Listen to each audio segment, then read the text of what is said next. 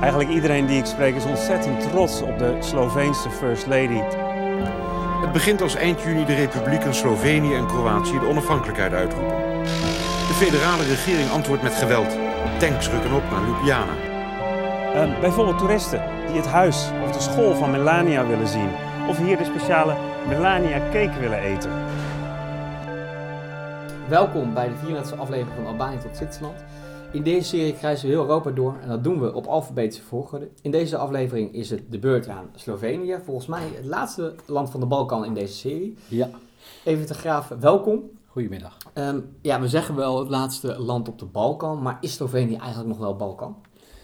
Ja, er zijn de meningen denk ik verdeeld over. Ik uh, rangschik het nog altijd onder de Balkan, dat denk ik toch wel zeker. Het heeft wel uh, vanaf uh, toen dat Rijk gesticht werd, het Heilige Roomse Rijk, de Duitse natie. Dat werd opgericht in 962 en heeft voortbestaan tot 1806. Toen is het beëindigd door de invallende troepen van Napoleon. heeft dat Rijk altijd een hele grote invloed gehad op Slovenië. En ja, Oostenrijk-Hongarije is natuurlijk toch meer westers georiënteerd dan op Oost-Europa gericht. Maar bij een hele ja, bloedige slag, 1278, slag bij uh, Durnkroet, uh, grepen de Habsburgers de macht. En vanaf die tijd uh, behoorde Slovenië ook tot de Habsburgse monarchie. Ook Oostenrijk, voor jou weet, zat toen nog gewoon binnen dat Heilige Roomse Rijk, de Duitse natie. toch zie je ook in het, einde, op het einde van de middeleeuwen dat het protestantisme, we herdenken nu 500 jaar Maarten Luther en dat heeft ook zijn invloeden gehad in die gebieden. Dat probeerde ook een poot aan de grond te krijgen, ook in Slovenië, maar dat werd te vuur en te zwaar bestreden ook door de Contra-reformatie, de Rooms-Katholieken. En vandaar dat het protestantisme daar weinig poot aan de grond kreeg. Dan steken natuurlijk allerlei andere gebeurtenissen de kop op. En met name ook de Franse Revolutie van 1789. Dan zie je weer overal nationalisme ja, aangewakkerd worden. En met name ook Napoleon, die dan een hele grote rol erin speelt. Uh, die heeft natuurlijk dan ook in 1804 zichzelf gekroond tot keizer. En uh, die wil dan alleen maar één ding, Europa aan zijn voeten krijgen. En die is met al die veroveringstochten ook nog eens een keertje dus Oostenrijk binnengevallen. En heeft ook uh, Slovenië bezet. En vanaf die tijd wordt dan dus een einde gemaakt aan het Heilige Roomse Rijk, de Duitse natie. En dan krijgen ze wat meer zelfstandigheid, de Slovenen. Ja, Slo Slovenië is wel echt eh, op Oostenrijk-Hongarije gericht. Hè? Volgens mij het Ljubljana heet zelfs Leibach. Dat is natuurlijk een Duitse naam. Ja. ja, dat zegt natuurlijk wel voldoende over de invloed die de, uh, Oostenrijker, uh, de Oostenrijkers hebben in Slovenië. Ja, absoluut. En uh, met name ook, je ziet wel dat dat liberalisme ook de kop opsteekt. vanaf 1848 is dat een, een trend in Europa. En dan zie je opeens dat veel regeringen van conservatief liberaal worden. En uh, dat heeft alles te maken met het uh, idee dat ze ook uh, hun vrijheid willen en dat ze eigenlijk onder het juk van grote ja, machten uit willen, minderheden. Ze willen ook een einde maken aan het absolutisme van, met name ook in Oostenrijk-Hongarije, van het regime van von Metternich. En dat inderdaad gebeurt ook, na allerlei ja, woelingen nog. Er wordt ook een einde gemaakt aan de feodale samenleving. En het gevolg is dat je dat ook heel sterk ziet ontwikkelen in Slovenië. Maar dan komt er een uh, hele jonge keizer aan de macht, Frans Jozef in 1848, en die heeft er helemaal niks mee. Die wil dat echt te vuur en te zwaard wil hij dat bestrijden. En die legt een politiek van verduitsing, legt hij ook aan Slovenië op, dat inderdaad ook plaatsnamen moeten verduidst worden, dat er inderdaad alleen maar in het onderwijs in het Duits lesgegeven mag worden, dat soort dingen. Daar probeert hij inderdaad ook veel aandacht aan te besteden. Er was een streven nog even, ook van een aantal groeperingen Oostenrijkers, Slovenen, Kroaten. Dat werd het trialisme genoemd. Dat het een soort driedeling van de macht zou opleveren. Maar daar was uh, Frans Jozef totaal niet mee eens. En die heeft dat inderdaad ook hard bestreden. En met name had hij de steun ook van de meerderheid van de Duitsstaligen. Er is dus helemaal niets van terechtgekomen. Nee, en um, je zei het al, van dat, dat in die periode het nationalisme eigenlijk overal in Europa zichtbaar wordt. door middel van taal, door van alles en nog wat allerlei ontwikkelingen. Hoe gebeurt dat in Slovenië? Nou, daar probeerde men inderdaad ook uh, via onderwijs en via krantjes uh, hun uh, uiting naar voren te brengen, wat er leefde onder de bevolking. Er werden ook geheime bijeenkomsten werden er gehouden. Maar als men daar lucht van had, de Oostenrijkse politie, dan grepen ze ontzettend hard in. Dat was gewoon streng verboden. Hele strenge straffen werden er ook uitgedeeld aan dat soort mensen die zich eraan bezondigden. Ja, dat was best wel een risico om, ja. om dat gebied te te bevinden. Ehm, we dan breekt de Eerste Wereldoorlog uit. Ehm, we weten dat Rusland en eh, Oostenrijk-Hongarije met elkaar in gevecht komen. Nou, dat lijkt me niet ideaal voor Slovenië. Dat, eh, Nee, absoluut niet, want eh, Slovenië was een onderdeel van eh, Oostenrijk-Hongarije. Je had toen de Ausgleich gekregen dat ook Hongarije erbij kwam. En dat betekende dus dat ze mee moesten vechten in het Oostenrijkse leger. En eh, in het Oostenrijkse leger, dat werd eh, zwaar gedomineerd door de Oostenrijkse officieren. En die keken met, eh, nou ja, dédain neer op eh, al die minderheden. Daar vonden ze eigenlijk maar niks. Eh, die lui uit Slovenië en uit andere gebieden, die werden, die werden heel slecht gehuisvest, kregen heel slecht eten, werden slecht bewapend. En er was zelfs een groot taalprobleem. Heel veel Slovenen die amper tot helemaal geen Duits konden spreken, laat staan verstaan, die begrepen een officier niet. Met allerlei gevolgen van die natuurlijk. Dat eh, betekent ook dat het eh, Oostenrijkse leger slecht georganiseerd, slecht bewapend was en ook grote nederlagen leed eh, tegen met name Rusland in het oosten en ook in het zuiden tegen Italië. En als het slecht gaat, dat zie je dan in een land, en als het op wankelen staat, dan zie je minderheden daar gebruik van maken om toch te proberen onder dat juk, in dit geval het Oostenrijkse juk, uit te komen. Dat zie je ook bij de Slovenen. Ja, want hoe deden ze dat dan? Nou, ze probeerden inderdaad ook weer al die ideeën die ze geleerd hadden, ook eh, die ze gehoord hadden. En eh, er waren natuurlijk altijd intellectuelen die in het eh, Westen gestudeerd hadden en soms weer terugkwamen in het land. Die probeerden hen ook eh, aan te praten dat ze ook recht hadden op een eigen natie. Ook recht hadden op een eigen grondwet. Ook recht hadden op hun eigen vrijheden. Vrijheid van godsdienst, vrijheid van eh, meningsuiting, vrijheid van vergadering en vereniging, dat soort dingen. Daar eh, werd inderdaad eh, op eh, getamboerd. En men hoopte ook een eigen staat toen al te kunnen Ja. stichten. En Oostenrijk-Hongarije was ook een, land op zijn laatste benen. Eh, in de Eerste Wereldoorlog valt, daarna valt het zelfs helemaal uit elkaar. Nou, dat moet dan een zegen zijn geweest voor Slovenië. Ja, inderdaad. eh, Je hebt dan eh, inderdaad na de nederlaag van de centralen, waar Oostenrijk-Hongarije toe behoorde, dan heb je in de buurt van Parijs een aantal vredesverdragen, waar we het al vaker over gehad hebben. Saint-Germain, daar werd eh, Oostenrijk dus aangepakt en Trianon, Hongarije. En toen viel de hele Donau- Donau-monarchie die viel uiteen. En toen kreeg je als gevolg daarvan dat men besloot, ook de grote geallieerde landen, dat er toch wel weer mogelijkheden moesten zijn om een nieuw land ontwikkelen. En dat werd toen het Koninkrijk der Serven, Kroaten en Slovenen. Dat werd opgericht op eh, 1 december 1918. Eh, later kwamen er ook nog eens een Kosovo, Macedonië, Montenegro bij. En die kregen een koning en het was een zeker Alexander Karadjordjevic, als ik het goed uitspreek. Een moeilijke naam, maar dat is dan hun eerste koning Alexander geworden. Ja, en het wordt dan het Koninkrijk eh, van- der Joegoslaven, of het Koninkrijk Joegoslavië, de- om het wat, eh, wat simpeler te houden in, eh, in de benaming. Ja. Eh, nou, dat klinkt natuurlijk hartstikke mooi. ehm, maar volgens mij was er ook wel vrij snel oneenigheid over de macht en, en de autonomie van bijvoorbeeld Slovenen.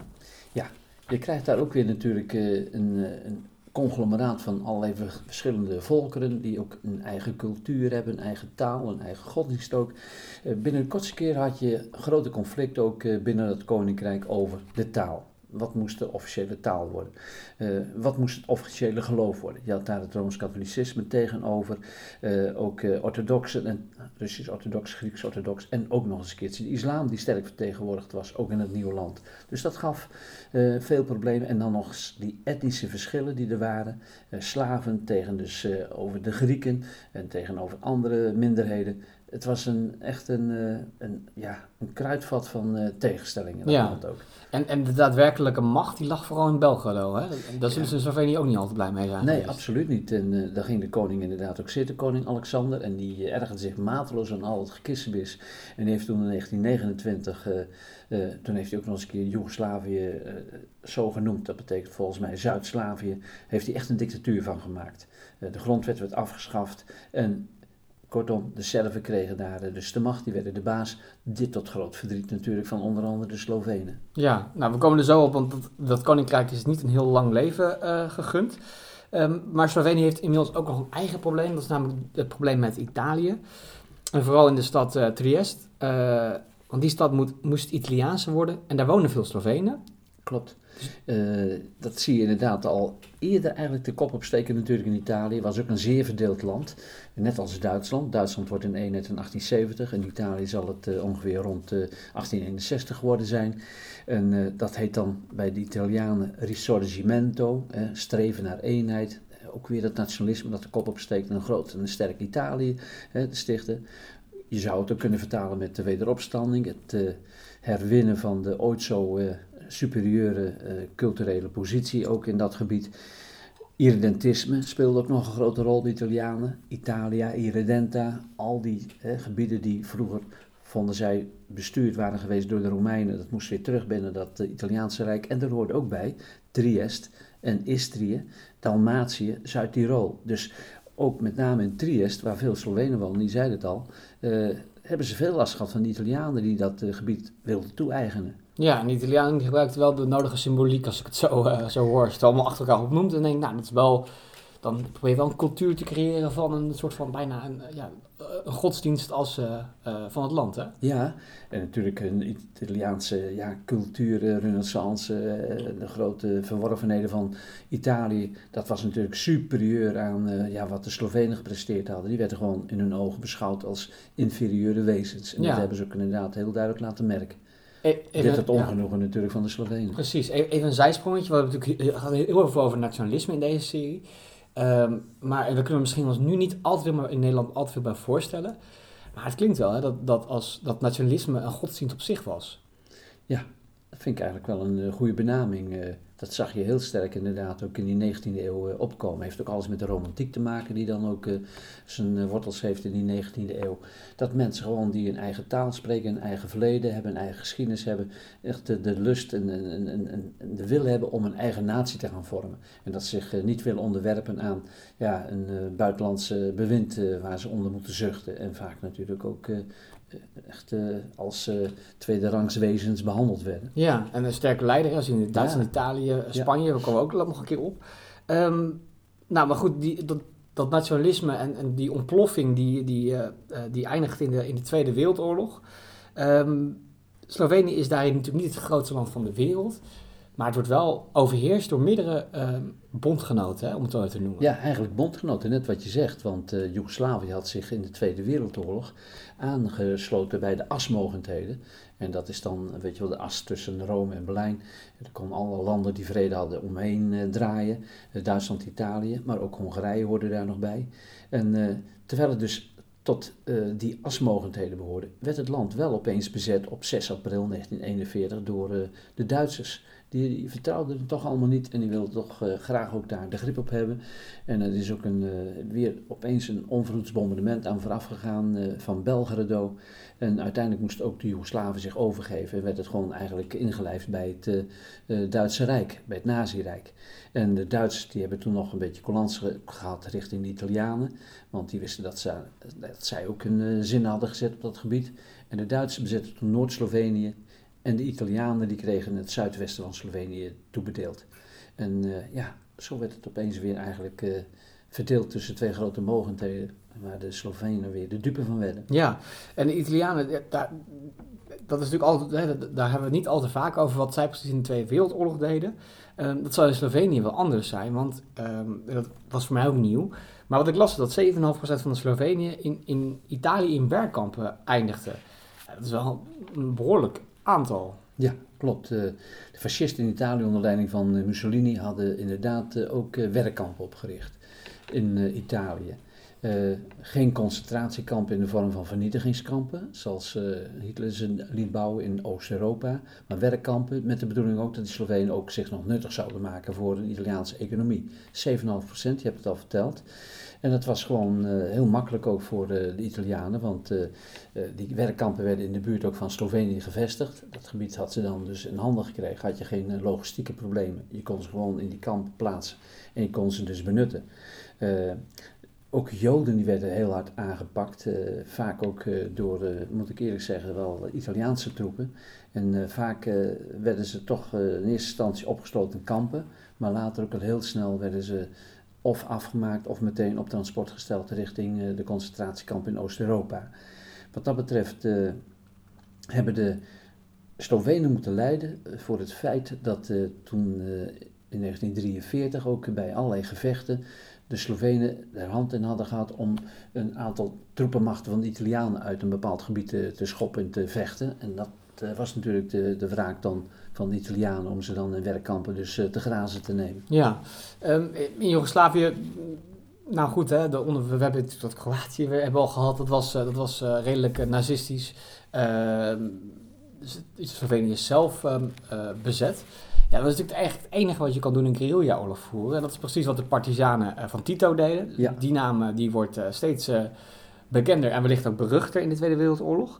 Was hij ook in Slovenië actief met, met de partizanen? Ja hoor, hij uh, had uh, wat dat betreft een aantal eenheden die uh, echt in dat bergachtig gebied opereerden. hij heeft daar met name ook natuurlijk aanvallen gedaan op Duitsers en die hadden dat gebied moeten veroveren, weet je wel, om de Grieken te helpen met het veroveren van Albanië en Griekenland. En die hadden daar natuurlijk ook troepen gevestigd die daar voor de orde en rust moesten zorgen. Die werden vaak aangevallen. Maar er werden ook inderdaad uh, aanvallen uitgevoerd, met name door die partizanen waar we het eerder over hadden gehad, op de Chetniks. Dat waren tegenstanders van uh, Tito. En dat waren eigenlijk aanhangers van uh, de koning Alexander die vermoord was. En dat waren monarchisten. En die Chetniks waren ook zeer anticommunistisch. Vandaar dus dat er ook eigenlijk een oorlog binnen de oorlog woedde weer. Onderling hadden die tegenstanders van Hitler ook weer veel uh, gevechten met elkaar te leveren. En uh, je ziet uh, dat dan inderdaad ook de Kroaten ook een hele kwalijke rol spelen, die ook met allerlei bewegingen bezig waren. De meest bekende hebben we het ook al over gehad, is de Ustasja-beweging geweest. Dat is echt een, een hele woelige periode geweest, die inderdaad ook in Slovenië dus toesloeg. Ja, en Tito die krijgt uiteindelijk de hulp van, uh, van de geallieerden. Ook omdat hij inderdaad alleen de nazi's aanvalt. En, niet, uh, geen andere groeperingen die uh, wellicht voor bijvoorbeeld uh, Churchill bondgenoten zouden kunnen zijn. Ja. Um, hij wint dus ook de oorlog. Um, maar dan pakt hij ook het nationalisme hard aan hè, in, in Joegoslavië. Vooral in Kroatië hebben we het ook over gehad. Dat ja. heeft onder Tito best wel wat te, te verduren. Hoe was het in Slovenië? Want we hebben al gehoord dat Slovenen best wel nationalistisch waren. Ja, ook in Slovenië trad uh, Tito hard op. Uh, met name die allereerste fase van zijn bewind heeft hij dat uh, laten doen. om te laten zien dat hij de machthebber was. En alles wat maar riekte, enigszins riekte naar nationalisme, dat werd meteen de kop ingedrukt. Want dat kon hij absoluut niet hebben. dat moest ja, onderdrukt worden. Want dat zou anders als een olievlek gaan werken natuurlijk in zijn land met al die minderheden. En vandaar ook dat hij het in Slovenië ook uh, behoorlijk hard uh, heeft aangepakt, uh, dat nationalisme. Dat werd de vuur en te zwaard bestreden. Ja. rol van de geheime politie, arrestaties, noem maar, maar op. Precies, en Slovenië is wel een opvallend land in, in Joegoslavië, want volgens mij is het het economisch hart eigenlijk. Hè?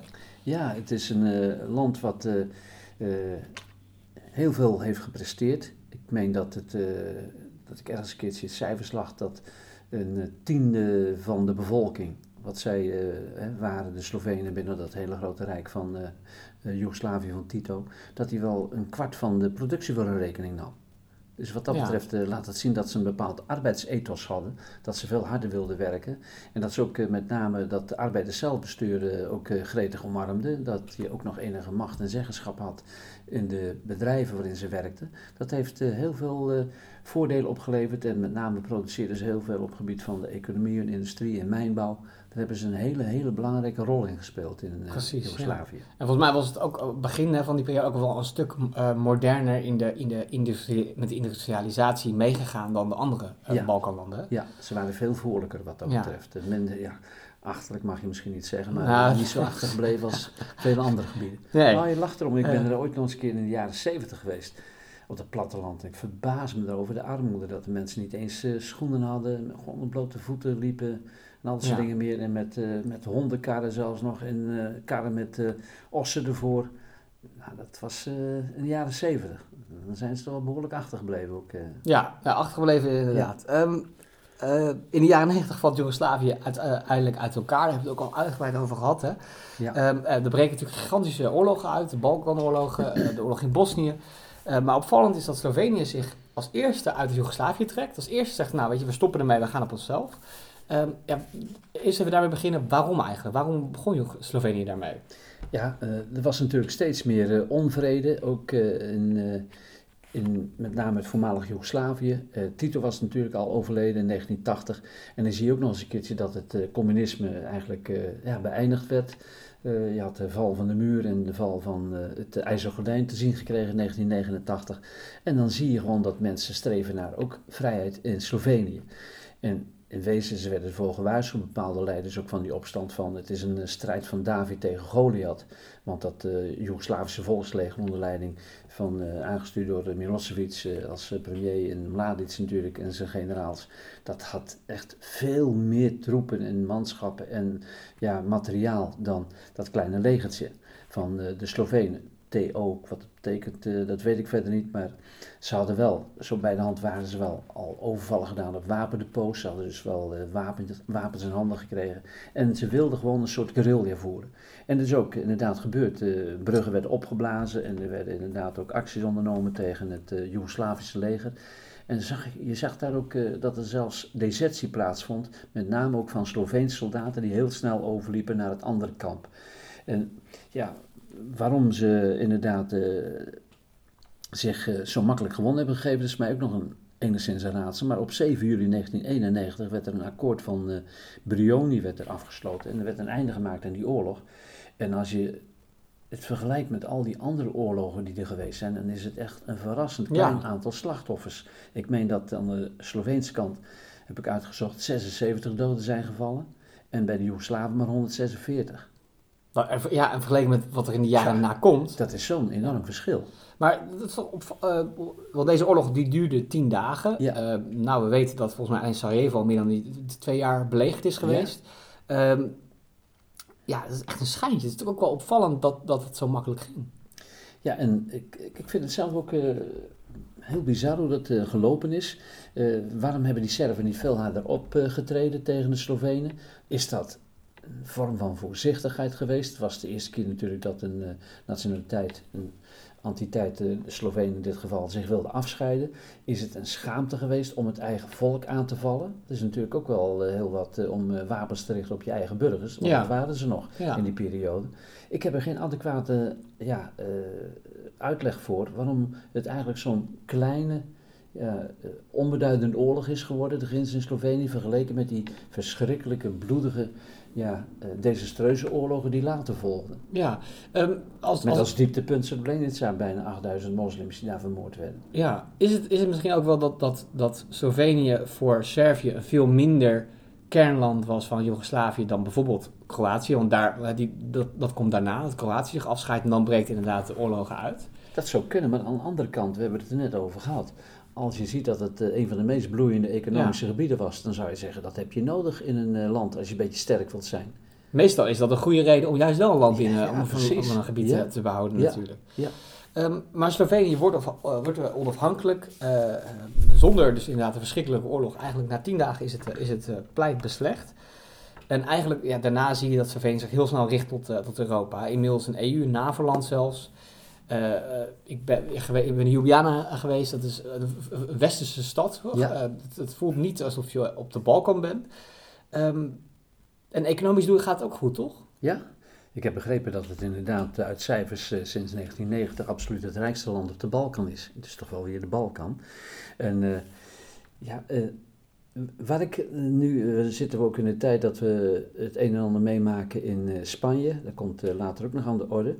Ik las uh, pas ook uh, een artikel in de NRC dat uh, de Sloveense premier Serraar heel sterk wees naar de gebeurtenissen in 1990 in Slovenië en dat vergeleek met de gebeurtenissen nu in 2017 in Catalonië. Hij waarschuwde de Catalanen van alsjeblieft doe het nou allemaal niet bij hun in Slovenië was het ook begonnen met een referendum. En een immense meerderheid wilde toen in 1990 ook uh, zelfstandigheid hebben. Ja. En nu speelt hetzelfde ook in Catalonië. En uh, hij zegt uh, tegen de Catalanen en tegen de Spanjaarden, je ziet wat het heeft opgeleverd bij ons op de Balkan, hoeveel duizenden doden dat uiteindelijk heeft opgeleverd. Hij zei, hij bepleitte voorzichtigheid en ga alsjeblieft ook je bezighouden met politieke dialoog in plaats van meteen de hak in het zand te zetten. Wat dat betreft uh, grote overeenkomsten, denk ik, tussen Slovenië toen en uh, Catalonië nu, ja. in Spanje. En is Slovenië nog het beste voorbeeld voor hoe, hoe dat, het, dat, het, relatief goed kan gaan. In vergelijking ja. met, met, waar we het net over hadden, die land, de, de onafhankelijkheidsoorlogen die daarna volgden natuurlijk. Ja, klopt.